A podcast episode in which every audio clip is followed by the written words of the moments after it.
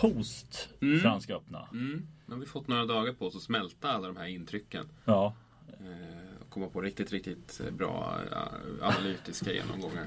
Ja, och, och vi, vi, det är ingen idé att vila på det. Det är gammalt. Det är Rafael Nadal som tar sin tolfte titel. Han gör det mot team i finalen. Och eh, jag, jag kan inte undgås att imponeras så fruktansvärt mycket av hur bra han är. Och hur mycket han lyfter sig ännu mer när han har haft en lite knackig säsong om man tar med Nadal-mått mätt. Verkligen. Eh, som, som du säger, sätt- sättet han höjer sig på i, i, under de här två veckorna just. Eh, man, man såg ändå tendenser i Rom ju, som ju, Mm. man ju faktiskt vann. Eh, och, och, och fick liksom gå in, gå in med vinden i ryggen i turneringen. Det gjorde säkert mycket för honom. Mm. Men det är ju den här klassiska stegringen i form som man har sett så många gånger. Eh, och som han har blivit uträknad för så många gånger tidigare. För att han har inte spelat särskilt bra med hans mått på vårkanten. Nej. Men ju närmare vi har kommit den här turneringen och ju längre vi har kommit in i den så har han bara hittat ytterligare en nivå hela tiden. Och, och han gör ju egentligen samma resa i miniatyr mot Dominic Thiem i finalen tycker jag. Mm. Ja, men, och, och det, det är ju det här att jag, jag kommer fram till över fem set så är det ju det går i stort sett inte. Vi har ju två undantag då. Så lyckas brotta ner honom i fem set. För tittar vi i finalen, Dominic Thiem är ju åtminstone den första halvan av matchen så är ju han fenomenal. Första set, det blir han ju av med på något sätt. Eh, otroligt starkt att komma tillbaka i andra och lyckas knyta ihop det. Men där kommer i mitt tycke den här mikrogrejen som Robin berättade just det här, inte i hans fall för han kunde följa upp segern mot Nadal. Men just det här att slår du en sån här spelare så är det så oerhört svårt att ladda om för du blir så dränerad mentalt och påpassad på ett helt annat sätt som du inte är van vid. Att sen följa upp det. Och det känns som att det här är i mikroformat. Team plockar ett set här i finalen. Och sen så är det slut. Ja men exakt. Det, det är verkligen en match med två ansikten på det sättet. För att, eh, som du säger, första halvan av matchen är team alltså fullständigt briljant. Och jag vet inte hur det gick till när Nadal fick med sig första set. Nej. Det, var, det kändes inte rättvist. Eh, och i andra sätt att han orkar komma tillbaka där och liksom kramar ur det förmodligen sista av krafterna han har. Framförallt mentalt. Mm. Eh, och sen gör han ju det här misstaget som så många gör mot, mot Nadal. Eh, att, att, att han, att han pust, kostar på sig att pusta ut lite grann i början på tredje set. Mm. Och då smäller det ju bara. Och, och jag, jag såg... Eh, det- var en, en eh, person på Twitter som jag har, skrivit lite med. Som, eh, jag ställde frågan rak liksom, ut. eh, Hur många gånger har man inte fått se Rafael Nadal bryta tillbaka efter att ha blivit bruten själv direkt i nästa game? Och enligt honom då så, hade, så var det en tennispodd som hade konstaterat att men i, i Franska öppna så rörde det sig om över, över 40% av gångerna. Han har nog över 30% om jag förstod det rätt. Sammantaget. Sammantaget. Men jag tror att siffran var 48. Ja, det är helt Om jag galet. minns rätt i, i Franska öppna. Och det, det, är fullständigt, det är fullständigt vansinnigt. För det, det var också inte bara att bryta tillbaka utan det är väl bryta tillbaka direkt Ja, när han har blivit bruten. exakt. I nästa game. Ja, Det är fullständigt otroligt. ja. Och det säger så mycket om vilken... Att han, att han alltid har en extra växel att lägga i. Och eh, hur fullständigt björnstark han är mentalt hela tiden. Ja men det, det är ju det. Han, han är så... Ja, det, det är ju på, på en helt annan nivå. Man pratar om de här som är 25, 26 och lite yngre också. Nej, men de har inte den här nivån och jag är, jag är med på det. Mm. Eh, För att det är ingen, ingen som klarar honom i Paris. Ska sägas. Det är väldigt sällan i de andra slamsen också.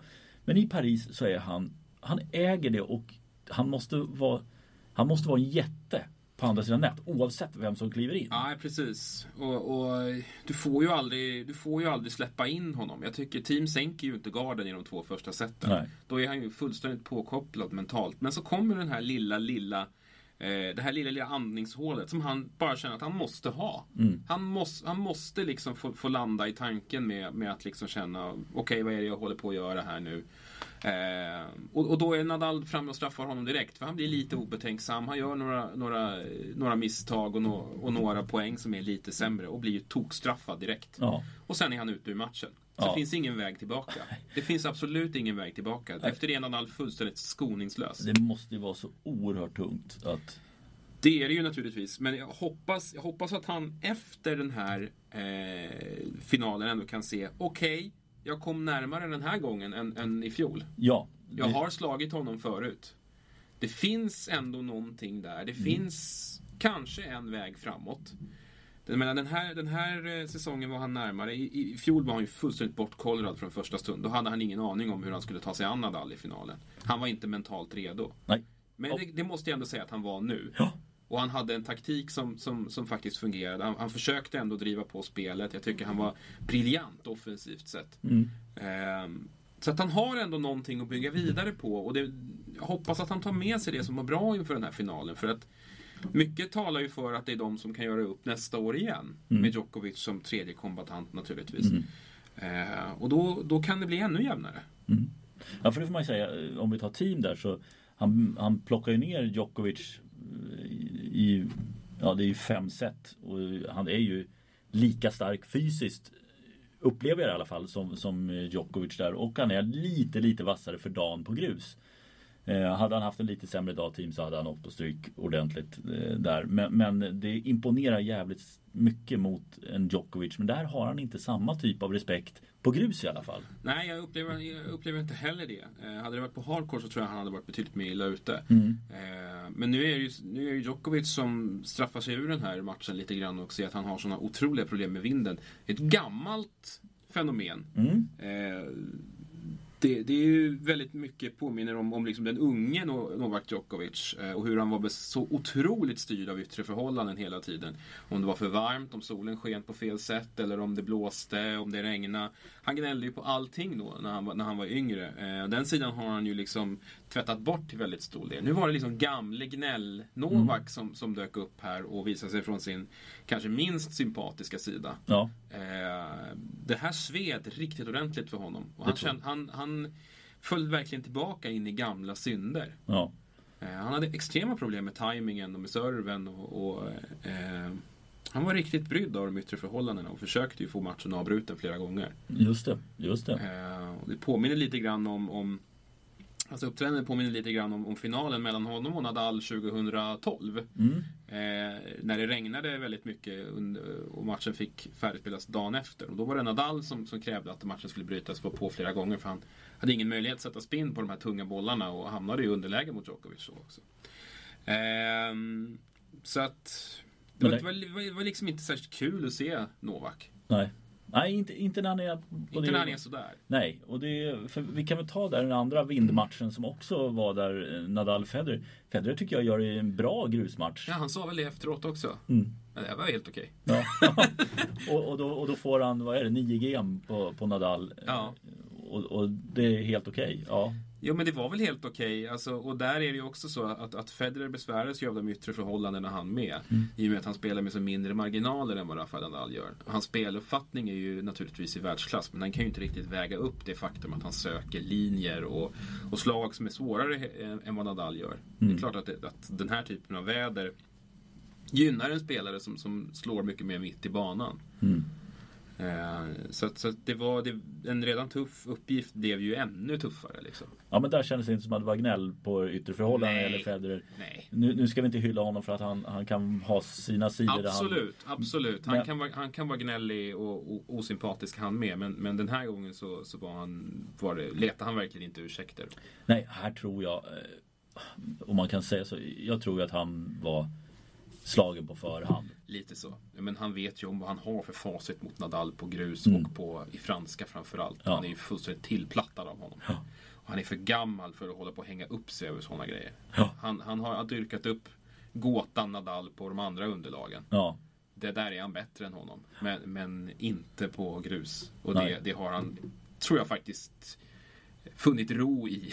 ja men faktiskt. men, För, för man får ju säga för Federer tar ju en bra seger. Både du och jag trodde på Wawrinka i ja, kvarten faktiskt, det där. gjorde vi. Mm. Eh, Och det var en bra match och eh, ja, men starkt gjort att ta sig igenom den. Och, för den tror jag verkligen, det var nog nästan hans inom situationstecken final. Att få vinna en så pass bra grusmatch. Ja, och, och Wawrinka såg ju så pass bra ut också Mm. eh, efter, sina, efter sina segrar tidigare i turneringen. Jag tyckte han kom in i, i alltså, äcklig form. Han kändes som att han skulle, verkligen skulle kunna störa Nadal i en semi. Liksom. Mm.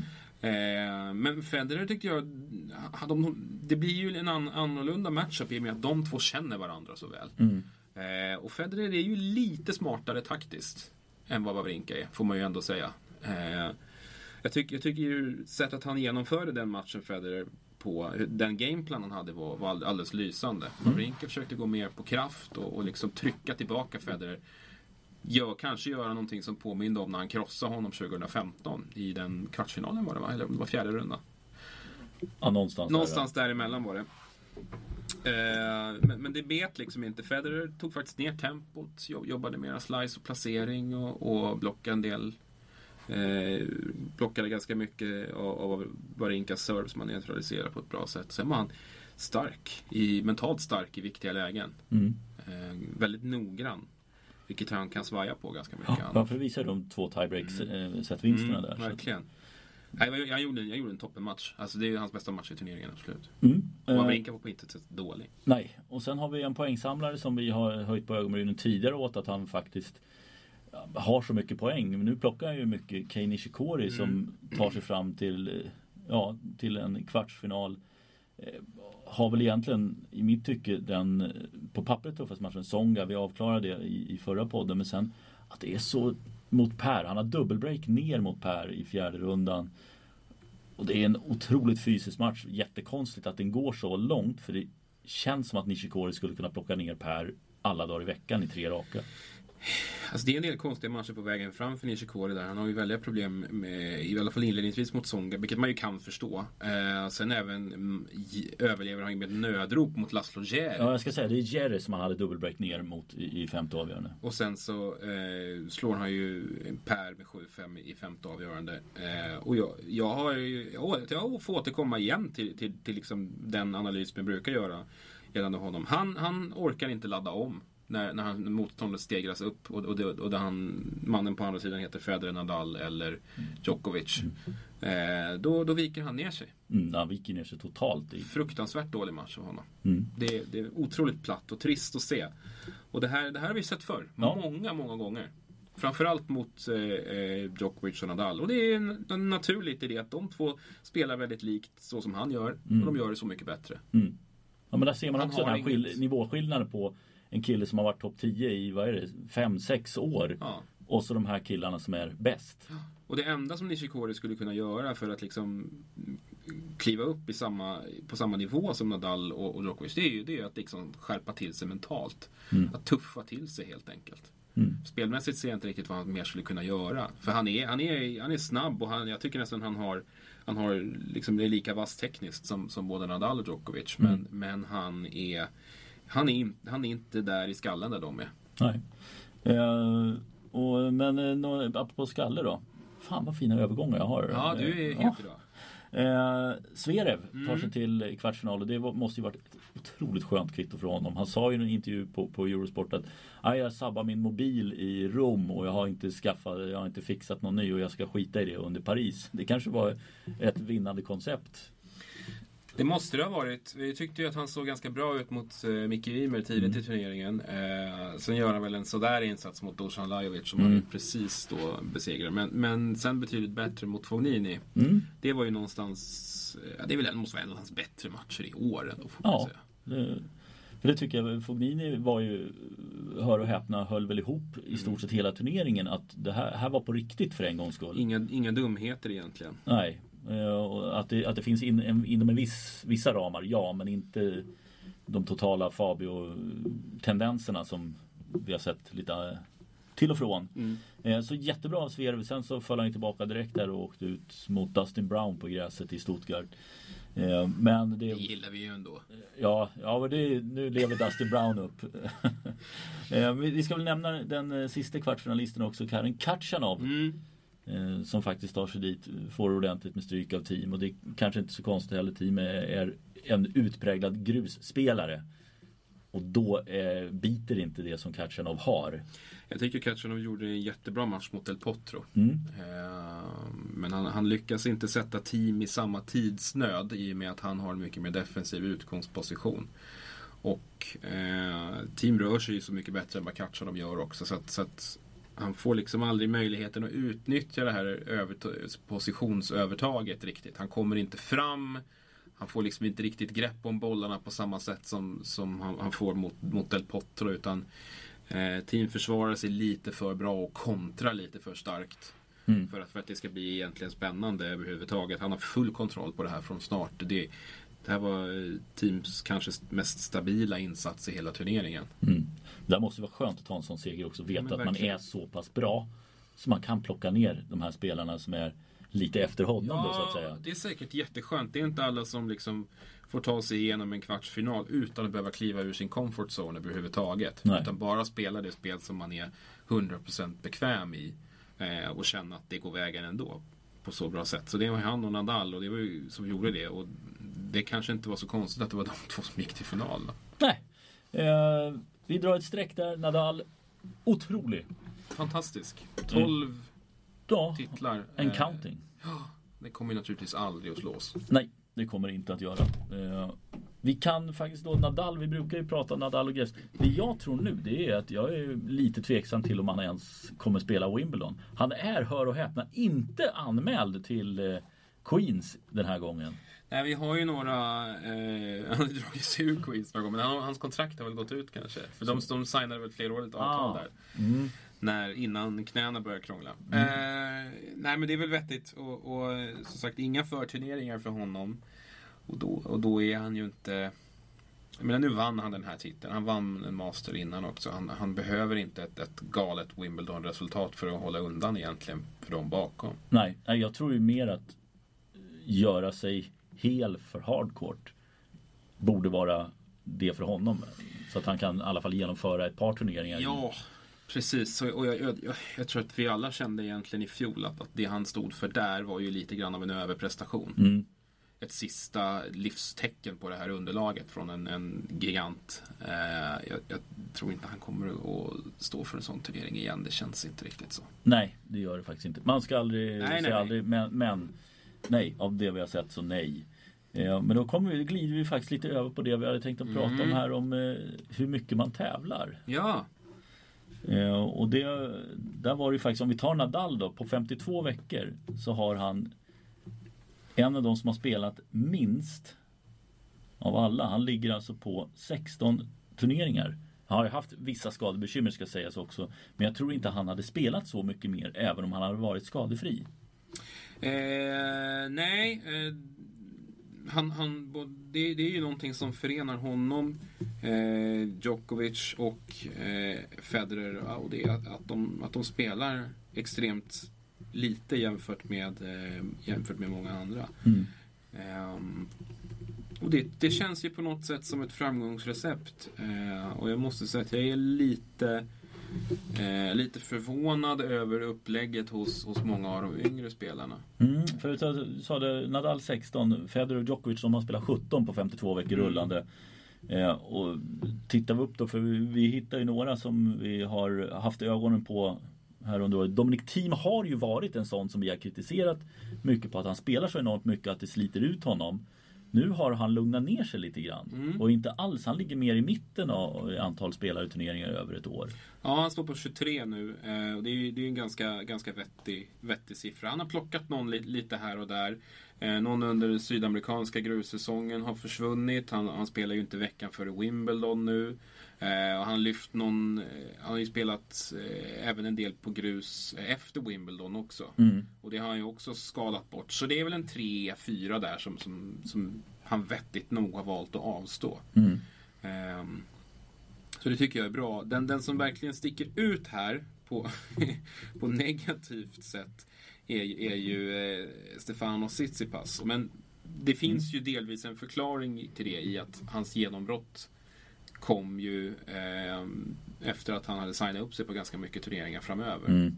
Eh, I fjol. Så att den här siffran kommer väl att sjunka lite grann. Han spelar väl inte riktigt lika, lika många turneringar nu som han gjorde vid samma tid i fjol. Nej, det kan nog vara. Men det kan ju delvis ha varit på att han Hade han den entryn då att han gick in i allting? Ja, knappt. Det kan ha varit att han För låg... jag tror att han, för mig att han började förra året väl precis utanför topp 100. Mm. Eh, om jag minns rätt. Men han spelar i alla- alla fall väldigt mycket. Han har spelat ganska mycket nu i vår också. Eh, inte en av de som spelar allra mest, men, men väl mycket. Eh, mycket spelar ju även Alexander Zverev. Eh, och där kunde vi ju konstatera att han bara på grus i år har lirat åtta turneringar. på drygt två månader. Det är rätt... eh, Det är mycket. Det, det var ju lite grann i desperation. Han tog ett par wildcards där, eh, bland annat till Lyon veckan före ju. Mm. Och var ju liksom desperat i att hitta form igen. Eh, lite olyckligt eh, att flänga runt på det sätt som han gör. Ja, jag tror inte det hjälper heller. Nej. Jag har ju förståelse för att han gör allt för att leta efter formen. Men samtidigt så flackar det runt mycket och kan inte bygga mer långsiktigt. Utan du måste hitta någonting. Nu gjorde han ju det han i Lyon så gott han kunde helt enkelt. Mm. Eh, men det, det är... Nej, men eh, av, för att vara en toppspelare så är det väldigt mycket spel. Och detsamma blir ju intressant att se Tsitsipas vad han gör. Sen har vi några andra stjärnor där uppe i toppen om man tittar över ett helt år. Paolo Lorenzi, han ligger ute mycket. Ja, 35 eh, turneringar på de senaste 52 veckorna. Mm. Eh, men, men, det, det är ju just den här typen av liksom grus eh, journeymen som, som drar runt. Lorenzi gör det, du har Roberto Carballes Baena där på 32. Eh, Malek Khaziri 29, Adrian Manarino Ja. spelar också otroligt mycket. Ja. Eh, och en som sticker ut där är ju Ben Wapper. Ja, det, som brukar vara så halvintresserad av att spela tennis emellanåt. Men, Men han verkar vara väldigt intresserad av att resa runt. Ja, han har väl med sig någon polare va, som Jag tror brukar åka runt.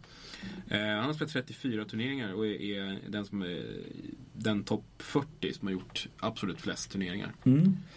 Eh, Vi ser ju Ogier Aliasim har också spelat mycket, fick ju mycket wildcards och också behöver bygga upp. Eh, Så blir det intressant att se hur de väljer att matcha de här yngre som är på väg in. Om det är fortsätta spela väldigt mycket eller om även de kommer dra ner på tävlandet på framförallt 250 nivån. Eh, vilket också kommer bli ett problem då för 250 tävlingar. Att det kommer bli ännu färre. Om vår teori att de kommer dra ner när de etablerar sig så blir det ju ännu svårare för de här små turneringarna att hitta guldkorn och, och, och bygga kring. Ja, eh, och, det, och det är ju alltså det är en svår avvägning för de här spelarna ska man ju komma ihåg också. Att, att sådana som, som Team och, och framförallt Tsitsipas lockas ju plötsligt nu av, av ganska stora startpengar också. I mindre turneringar. Folk vill ha dem där. Eh, och vill att de ska komma och spela. Och det kan ju vara tufft att tacka nej till när man precis har slagit igenom och, och eh, eh, tjänar liksom fina pengar för första gången. Eh, och- och vill liksom ta tillvara på det kanske. Ja, får hoppas att man har bra management för det kan ju finnas sådana spelare med i det hela också som är, har intressenter ska jag säga. Ja. Som eh, gärna vill att de ska dra in mycket pengar för det gynnar dem själva. Men alltså Som sagt, team, team är ju på väg å- å- åt rätt håll. Sverige får man väl säga kanske lite på väg åt, åt fel håll. Men, men man kanske inte kan begära att de ska liksom ligga på som Federer och, Djokovic och Nadal att liksom 16, 17, 18 turneringar. Men, men kanske åt Wawrinkas håll då som spelat 22. Eh, att ligga på 21, 22 och, och, och om man är topp 10 det är, det är ganska, ganska, ganska rimligt. Ja men för det, det känns ju lite som att när du väl spelar turneringen så går du in för dem fullt ut. Inte de här eh, du har fått x antal miljoner för att åka och spela en, en eh, halvrisig 250 turnering och ja, ställer inte in skorna men du ger inte ditt yttersta för att vinna den turneringen. Eh, Så att, eh, nej men li, lite lägre frekvens för de här yngre om än inte så lågt som toppspelarna. Nej, Vara mer effektiva. precis. Eh, sen hade vi någonting mer som vi var inne på. Ja, det har flutit upp en, en diskussion om rankingen igen. Ja. Eh, och då handlar det inte om ITF den här gången. Det vet jag inte om vi har pratat om förut. Men, men eh, den här lösningen med att skapa en separat ITF-ranking. Mm. Den skrotas ju nu till augusti. Ja, och då, om jag förstod det rätt så kommer det retroaktivt införas poäng. Det är inte säkert att samma poängskala kommer Nej, att... det, det, det, det tror jag inte att det är. Den blir lite snävare. Mm. Eh, och det är väldigt bra för att det känns som att det cementerades rätt mycket Challenger-touren eh, var man inne där så det var väldigt svårt att komma in underifrån. Ja. Sen eh, såg jag att Tennisförbundet svenska skrev att ja, vi hade velat vänta och utvärdera det här efter ett år. Ja, för mig så är det rätt konstigt att man genomför det här utan att ha som det verkar i alla fall haft någon större input av spelare utan det här känns som att det är en konflikt mellan ATP och ITF. Och ITF har ju varit väldigt eh, skarp gentemot ATP. Mm. Eh, som agerat ganska oförstående eh, till den kritik som man har fått av ITF. Eh, de har ju kallats drivande i det här bland annat. Mm. Eh, Men det har man ju inte velat kännas vid riktigt. Så det är svårt att veta vem, vem som bär ansvar för vad när man inte liksom sitter i de här mötesrummen. Ja, ja men verkligen. Men, men sammantaget, jag tror att du känner som jag att det, det är ändå bra att vi får en och samma ranking igen. Ja, Att alla tävlar, och inte på lika villkor, så i alla fall att eh, skillnaderna suddas ut någorlunda i alla fall. Ja, det, jag tror också att det måste finnas en lite enklare väg. Jag pratade med en spelare på, på ITF-touren som sa det, det är också det här med, med kvalen är fyra spelare. Ja, men du kan ju se dubbelspelare som André Göransson har ju spelat kvalet som alternate och, och det är ofta alternates för det är bara fyra platser. Ja. Vilket gör att ja, men du åker ju inte över till USA och chansar på att du ska få spela ett kval. Nej, nej, de måste ju, det, det, det håller jag med om, de måste ju växa. Mm. Det, det känns ju ganska, just Challenger-kvalen känns ju ganska meningslösa. Ja, de, de, har, de har inte blivit det som de har önskat. Såvida man inte har varit ute efter någonting helt annat. Att man verkligen, det är där det ska komma in lokala förmågor som kvalar in. För att, ja, det, det är det enda anledningen Det finns anledning att följa upp och se om det har, har varit så. Om det har Ja. blivit så. Jag tror inte det. Nej, jag tror inte heller det. Eh, men det, det vi skulle prata om det var egentligen att det här att det, det inte går ett år utan två år lite likt golfen som, som rullar på två år istället för ett år. Eh, och det var väl Vasek Pospisil som var ute och, och eh, pratade lite om det för han tyckte att det, det kostar väldigt mycket. Är du skadad så tappar du både pengar och försäkringsmässigt och, och allting. Eh, och att man hellre skulle rulla över två år för då är det också större chans att kunna återhämta din ranking på ett enklare sätt. Eh, och jag tycker att det låter lite intressant och han vill få det till att jämnheten visar över två år istället för att du toppar bara ett år. Vilket också fin- finns en poäng i det. Men, men, så att jag, jag är faktiskt försiktigt positiv till det. Men Jag vet inte om du är lika. Nej, jag, jag ställer mig nog på andra sidan. Jag, jag tycker inte det här är någon superbra idé. Eh, jag, tycker, jag tycker redan nu att det finns spelare som på, här, på en ettårsranking eh, vilar alldeles för tungt på enskilda insatser. Eh, Ja, men skulle inte det smetas ut då bättre på, på över två? Jag tror att det skulle bara leda till att touren blir än mer statisk. Att det blir svårare för, för eh, bra spelare att komma in underifrån. Eh, och att det blir alldeles för få skiftningar i, i, i toppen. Och, och jag tycker att, att spel... Det, är- det är såklart att det är beklagligt att... att eh, Pospisil har ju en poäng i, i det att man är rätt oskyddad när man, när man gör sig illa och inte kan spela. Det finns å andra sidan en, en protected ranking. Eh, och, och det finns ju de flesta kommer ju tillbaka efter ett uppehåll ändå. Eh, jag, jag, fatt, jag fattar hans poäng men jag tycker samtidigt att vi är i ett läge där, där vi måste bereda plats åt yngre spelare. Eh, den här sporten står inför en, en eh, jättejobbig generationsväxling. Jag tror generationsväxling och jag tror även tormässigt tror jag inom några år kommer att hända en hel del. Vi har sett lite nu de här kommer ATP Cup och Labour Cup hamnar i ATPs under deras paraply.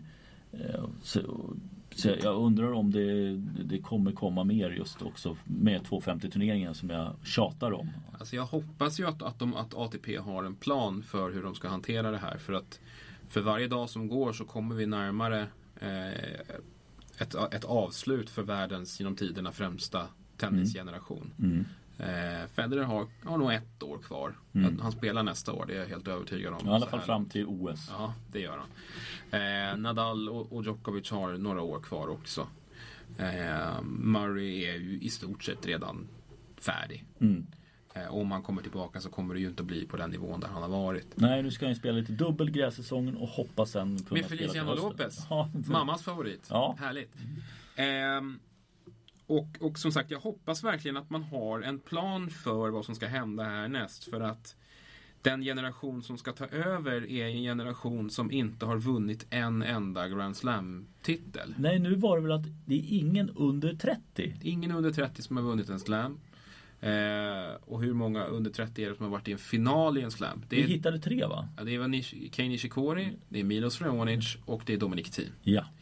Eh, och då ska man säga att ingen av dem är under 25. Nej. Thiem är då yngst, han är född 1993. Ja. Och det, är, det kommer bli, bli tufft för eh, den här generationen att och, och axla den manteln. Vi ser ju egentligen ingen som, kom, som kan kliva ut liksom som, som en superdominant här. Nej, Nej, det var faktiskt, jag, jag lyssnade på, på våra kollegor i, i, eh, på Hawkeye och de var, hade en tanke att det kan ju bli lite som damtennisen. Mm, absolut. Att det finns, ja men det finns några tre som är hyfsade favoriter men det finns, där bakom finns det ytterligare 10-15 som skulle kunna vinna.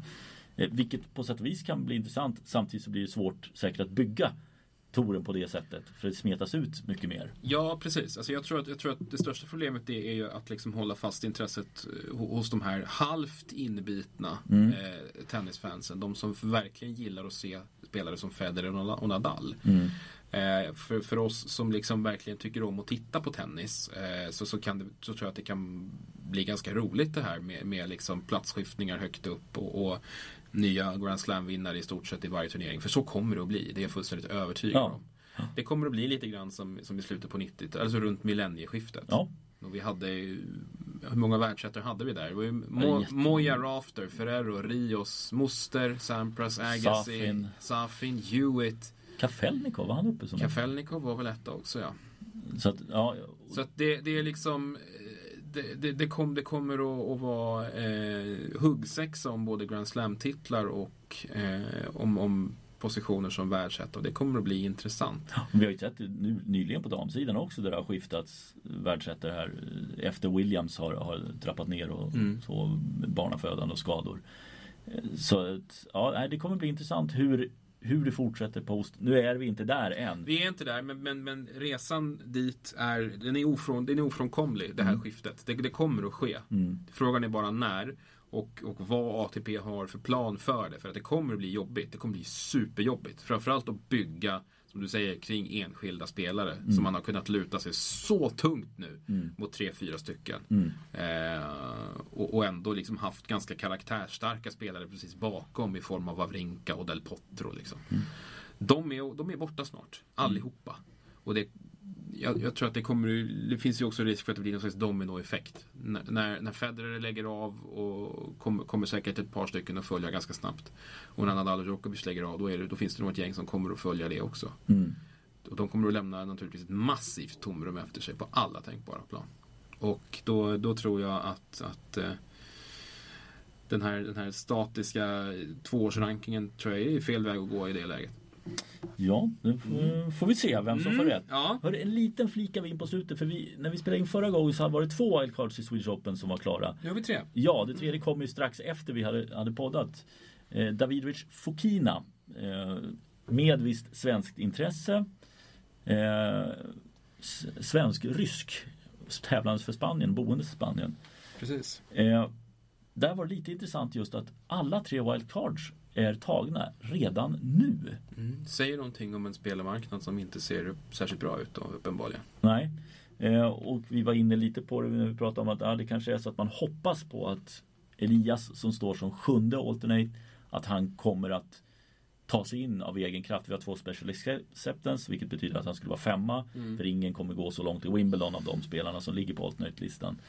Eh, jag vet inte hur det är förresten med Challenger-sidan om det är det mot, mot 250. Det vet, jag vet inte jag heller. Nej, så det, det, Det låter teoretiskt vara osagt. Ja. Men att, eh, att man ger ut alla tre tidigt. Jag hade någon teori också om att David Fokina eh, de- de kunde inte vänta och då vågade de inte chansa eh, på att ge honom det sent utan då tog de det nu. Mm. För det är en spelare som kan klättra upp och bli en spelare som, som det kommer talas om i framtiden. Ja, precis. Och jag, jag tycker inte det är eh, en särskilt dum idé att, att, eh, eh, att ge honom eh, det här wildcardet. Jag, jag lyfte upp honom, har jag för mig, när vi pratade om startfältet potentiellt. Eh, att han kunde vara ett namn. Och det, däremot så är jag lite förvånad över att man inte gjort ett lite större nummer av, av eh, den här rekryteringen. Ja, Du flög lite under Ja, radarn. verkligen. Det, det dök väl upp på sociala medier bara. Mm. Eh, du har ändå spelare som, som med, med lite god vilja skulle kunna betraktas som svensk. Med att han har en svensk pappa. Mm. Eh, och, och när till exempel Christian Lindell fick wildcard till, till Båstad för jättemånga år sedan. det är Ja, nästan tio år Ja, sedan det är nästan tio år sedan. Men, men då var det ändå svenske supertalangen Mm. eh, som vi hoppas så mycket på. Mm. Eh, nej, jag, är också lite förvånad över det. Men som säger, spelarmarknaden ser inte speciellt ljust ut när man ger ut alla wildcards redan nu. Eh, får väl se då om det händer någonting så att det skulle vara så att det finns, kommer ett sent wildcard som man kan utnyttja. Om det finns någon spelare som vill ha det. Eh, men uppenbarligen måste man ju ha hört sig för hos de som är potentiella. Och de måste ha gett negativa besked. Något annat kan jag inte se. Nej, och, och det borde ju rimligen ha eh varit de här spelarna som vi pratar om. Som möjligtvis en Berdic, möjligtvis en Dimitrov. Dimitrov. Eh, möjligtvis en Monfils kanske. Ja. Eh, ja, men ska vi stänga det här för dagen? Ja men det gör vi väl va? Och Ja. säger att vi är, är tillbaka någon gång innan Wimbledon i alla fall. Ja, vi måste väl gå igenom lottningen där. Det tycker jag definitivt. Hej! Hej!